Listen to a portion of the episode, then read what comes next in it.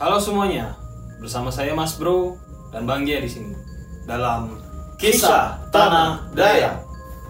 Bang J, Oke mas bro. hari ini kita mau cerita mistis nih Bang J. Katanya Bang J ini banyak sekali cerita mistisnya ini di tanah Dayak ini. Jadi gimana itu Bang J? Kalau untuk cerita mistis memang banyak ya mas bro ya. Hmm.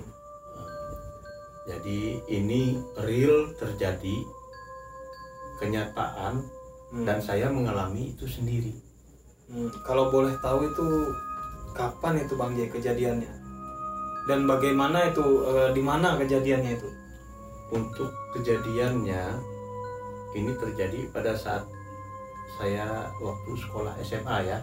Hmm. Tepatnya di tahun 1998. Mana saya itu sekolah di Kabupaten Katingan ada sebuah desa di situ Nah, tepatnya sekolah pertanian yang di mana siswanya itu diwajibkan untuk tinggal di sebuah asrama Tinggal yang sudah di disediakan oleh sekolah, sekolah itu. itu.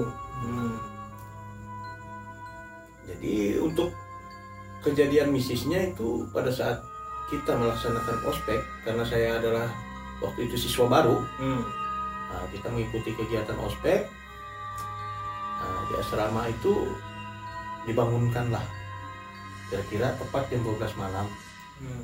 Semua mahasiswa ba- siswa baru itu ya dibangunkan di asrama itu dibangunkan untuk mengikuti ospek. Ya. Jadi tengah malam ya ini. tengah J? malam, tengah malam. Hmm. tepatnya itu tengah malam memang itu tepatnya jam 12 malam ya memang Hmm.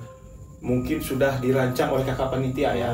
Jadi waktu itu kita disuruh baris kita su- disuruh baris setelah rapi Hmm. kita disuruh lari Disuruh lari malam-malam. lari malam-malam keliling komplek pertanian itu luasnya sekitar 100 hektar bro tapi ya memang kita nggak ngelilingin 100 hektar itu Hmm. waktu itu kita sedang lari kita nih ngikutin kakak penitia nih di depan kita nih Hmm. Soalnya kakak penitia yang mengi- membimbing kami kan Mengiringnya di depan ya. mengiring di depan kita ngikutin di belakang Hmm. kita ngikutin di belakang terus kakak penitia yang ngiringin di depan ini heran Hmm. herannya kenapa kenapa di depan kakak penitia ini ada tiga orang juga Jadi lari juga pakai baju Hmm. hitam semua entah itu apa Hmm. Tapi waktu itu kakak panitia ngerasa mungkin itu temannya. Hmm. Nah, setelah itu dikejarlah oleh kakak panitia kami ini. Hmm. yang ngiring ini dikiranya temannya kan? Dikejarlah.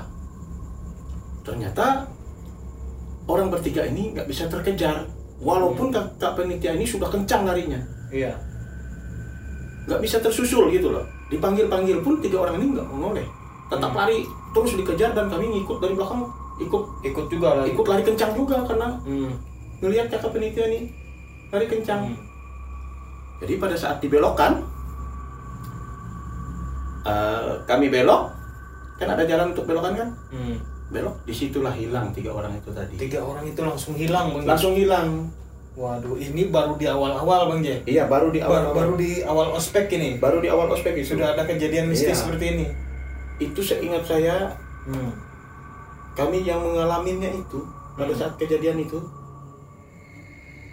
namanya malam, aura mistis itu terasa semua oleh siswa baru. Ya, pada saat itu kami semua merasakan memang hawanya beda. Hmm. Karena apa? Teman saya di sebelah pun hawanya beda. Hmm. Seolah-olah kita tuh masuk kayak dingin, Iya. kayak dingin banget gitu loh. Hal itu mungkin mungkin saja itu bisa terjadi ya bang J. Mengingat kan tahun 98 pasti sepi kan ya di desa. sepi mas bro. Hmm. Terutama kalau di desa itu kalau habis maghrib ya, Hmm. itu desa itu seperti nggak berpenghuni. Hmm. Semua semua orang itu pada Pada masuk rumah. ada masuk rumah. Nggak ada Karena- lagi istilahnya yang berkeliaran. Iya, gitu karena memang kondisinya memang di desa Hmm. dan tepatnya pertanian kami pun ini pun di ujung kampung. di ujung kampung Yang di sisi kiri, sisi kanan hutan semua. hutan semua Ya. Jadi setelah lari itu berkumpul lagi kan di depan asrama. Hmm. itu pria wanita siswanya bergabung Hmm. karena ospek jadi setelah lari itu kumpul lagi di depan asrama itu ada perempuan jatuh pingsan Hmm. dia teriak dulu teriak Hmm. langsung jatuh pingsan setelah dia teriak jatuh pingsan lalu teman-temannya yang lain pun ada yang menyusul Hmm. teriak jatuh pingsan kayak orang tempatnya itu disebut kesurupan kesurupan masal Kesurupan. gitu ya Kes- Iya. kesurupan masal ya kesurupan masal nah jadi biar Mas Bro dan teman-teman tahu ya jadi untuk setiap penerimaan siswa baru Hmm. di sekolah itu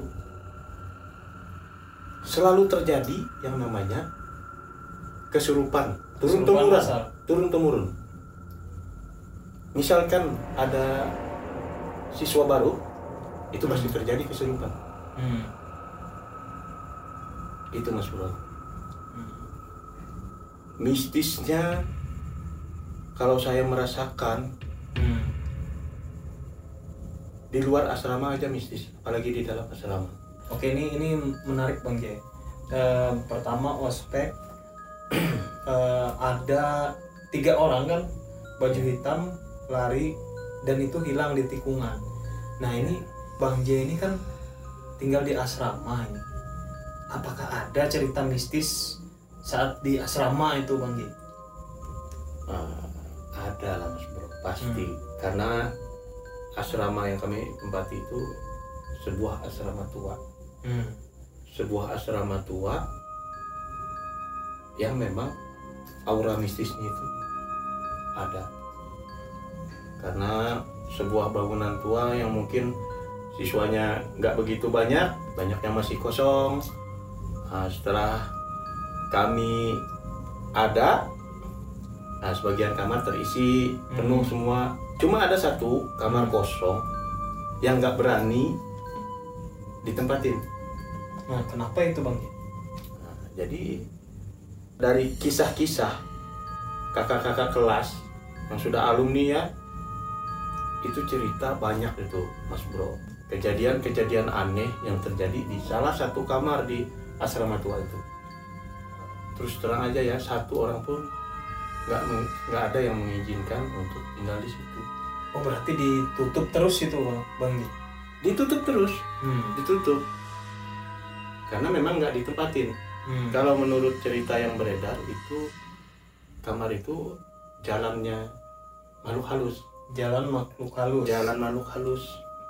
Nah itu jadi pernah dulu ya Mas Bro Hmm. ada kakak kelas dulu yang pernah tinggal di situ di kamar itu Hmm. salah satu kamar itu ya Ah, pada saat malam na- namanya di desa tidur tuh harus pakai kelambu. Untuk menghindari hal-hal gaib seperti gangguan makhluk halus nah terlebih-lebih lagi karena nyamuk itu kan. Jadi menurut eh, orang Dayak kelambu itu salah satu untuk tempat berlindung dari penglihatan makhluk halus. Jadi kalau di dalam kelambu itu tidak terlihat Oh, jadi mereka tidak semacam tidak bisa menyerang gitu. Iya tidak Ya. bisa menyerang Iya, saya pernah juga dengar cerita-cerita yang seperti itu sih, lambu. tapi anehnya ini ya kita lanjut ke kakak kelas tadi yang pernah tinggal di kamar Hmm. itu dia pasang kelambu dan tidur Hmm. di dalam tidurnya itu dia bermimpi dan terbangun karena mimpinya itu dia terbangun Hmm. Dia bermimpi kayak ada orang nabur beras kuning tuh loh di atas kelambunya Kayak ada orang nabur beras kuning. kayak ada orang nabur beras kuning dikira mimpi Hmm. dikira itu mimpi mas bro Hmm. Nah, karena dia ngerasa itu kayak nyata, bukan mimpi, terus dia bukalah kelambunya. Hmm. Dilihatlah, memang di lantai, di lantai kan dari lantai ubin, Hmm. dari lantai ulin. Lihatlah memang banyak beras kuning, Berhamburan. berhamburan. Padahal di situ cuma dia sendiri di kamar itu. Berarti seperti ada orang yang nabur tapi dia ngerasa kayak itu mimpi. Mimpi, ya. tapi dia terbangun. Sebenarnya nyata itu ya. Sebenarnya nyata. Terus Hmm. dilihatnya lah beras kuning itu kan. terus dia langsung jatuh sakit Itu sakit. jatuh sakit setelah jatuh sakit eh, diberi obat kan diberi Hmm. obat ini tuh gak mau sembuh sembuh Hmm. Sampai akhirnya kakak kelas tuh berhenti sekolah di situ Hmm. Nggak sekolah di situ lagi. nggak sekolah keluar dia karena sakit kan Hmm. nggak bisa mengikuti aktivitas pelajaran Hmm. karena memang sekolah pertanian itu 70 persennya di lapangan 30 persennya itu di dalam kelas jadi dia tidak bisa mengikuti dan akhirnya berhentilah dia sekolah gara-gara sakit itu Hmm.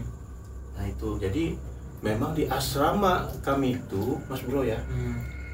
Itu sebuah asrama tua di mana asrama tua itu dari zaman PKI dulu sudah Hmm. ada sudah ada itu asrama Hmm. setelah kejadian itu eh, kakak kelas ini tadi berhenti sekolah Hmm. dari situlah tidak ada yang berani menempati kamar kosong itu Sehingga muncul rumors yang beredar bahwa bahaya kalau kita Bahaya. masuk di kamar, kosong, itu. Ya. Hmm. Menarik nih bang. kalau itu untuk pengalaman kakak kelas ya Hmm. yang menurut cerita-cerita yang beredar begitu Hmm.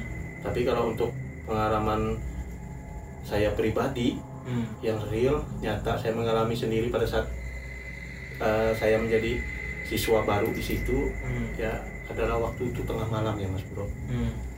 Jadi waktu tengah malam itu kita ini namanya asrama ini kan besoknya sekolah kan yang namanya tengah malam kita sudah tidur Hmm. kita sudah tidur sedang asik-asik tidur mungkin semua teman yang di asrama itu tidur semua mungkin Hmm.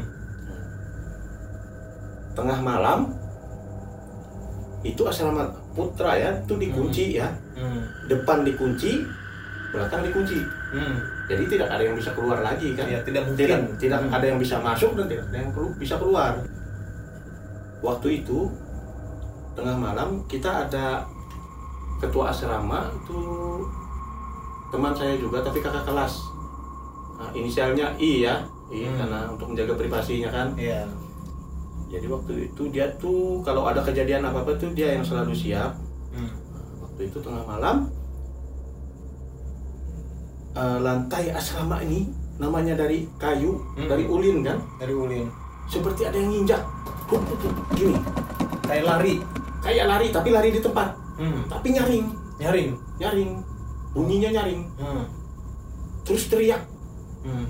terus teriak teriaknya itu melengking itu suara perempuan itu mas bro Suara perempuan. suara perempuan itu mas bro Hmm. suara perempuan melengking otomatis Hmm.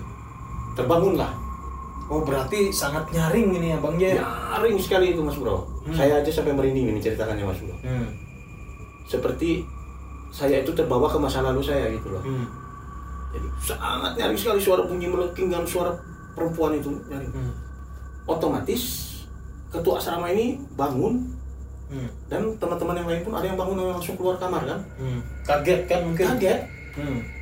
kita lihat ternyata nggak ada orang terus kita lari ke belakang kalau orangnya lari kan eh ternyata pintu belakang masih berkunci dan pintu depan Juga sama. juga sama terkunci Hmm. Nah, kita lihatlah rumput-rumput di sekitar asrama kan mungkin ada jalan orang lari kan Iya. kan kelihatan kalau dari Ada bekasnya. ada kan? bekasnya Jejak mungkin. itu pun tidak ada mas bro Tidak ada jejaknya sama sekali. tidak ada jejak sama sekali dan mungkin pada saat itu Hmm. seluruh penghuni asrama merasakan itu yang namanya wangi harum bunga semerbak sekali harumnya Banyak orang yang mencium. banyak orang yang mencium semerbak sekali harumnya Hmm. harum melati itu bro Hmm. jadi semua langsung terdiam kan terdiam Hmm. kata ketua asrama ya udah masuk kamar aja masing-masing lalu masuklah kami kamar masing-masing Hmm. besok paginya itu terjadi cerita lah apa itu apa itu bertanya-tanya lah banyak, rumors yang beredar banyak ya. rumors yang beredar tuh Hmm. nah, mungkin itu salah satu penunggu asrama itu memperkenalkan diri Hmm. terutama untuk kami ya Yang baru. yang baru Hmm. salah satu bentuk perkenalan salah satu bentuk perkenalan atau mungkin ada di antara kami siswa baru nih yang melakukan kesalahan hmm. kita nggak tahu mungkin kencing sembarangan oh iya atau apa gitu kan kita nggak tahu kan mungkin ada daerah-daerah keramat Daerah. yang Ya, disalahgunakan mungkin itu tempatnya Hmm. mungkin seinjak atau apa gitu kan Hmm. Oke menarik sekali nih bang Gia. Ada lagi nggak bang Gia ceritanya? kalau untuk kisah mistis banyak sekali mas bro Hmm. tapi nggak bisa kita ceritakan di satu segmen ini Ya. Nah, untuk Jadi untuk segmen ini cukup sampai di cukup sini. sampai di sini mas bro jadi Hmm. biar teman-teman selalu ngikutin kita Oh ya. ya jadi biar penasaran lah teman-teman untuk kisah-kisah mistis Mas kita masalahnya ini bang Gia, saya juga ikut penasaran jadinya ini. iya memang itu Ter- ternyata eh, di asrama itu ngeri sekali ya tahun 98 itu kan masih ibaratnya masih sepi ibaratnya kampung-kampung gitu ya. sepi sekali mas bro kalau Hmm. kalau sepeingatan saya Hmm. saya bercerita tadi ya Hmm. saya itu masuk lagi ke tahun itu rasanya Hmm. jadi seolah-olah saya tuh serasa di sana lagi Hmm. serasa di sana lagi mengulang cerita, mengulang cerita itu. itu yang ngeri itu loh ngeri kalau saya merasakan ya itu memang luar biasa waktu itu memang mencekam Iya. Oke, jadi Bang J, eh, kita akhiri aja mungkin ya di segmen ini. iya Nanti eh, mungkin nanti kita lanjutin lagi cerita mistis ini. iya Nanti mungkin apakah masih ada banyak nih cerita yang di asrama? banyak Oh masih banyak, banyak Tenang, banyak tenang, tenang. Jadi buat teman-teman yang eh, penasaran eh, ingin tahu cerita di asrama tua, jangan lupa like, komen, dan subscribe. Tetap dukung channel kami biar kita sama-sama melestarikan budaya, mistis, dan mitologi suku Dayak. Oke Bang J, oke mas bro tetap bersama kami dalam Kisah Tanah Dayak.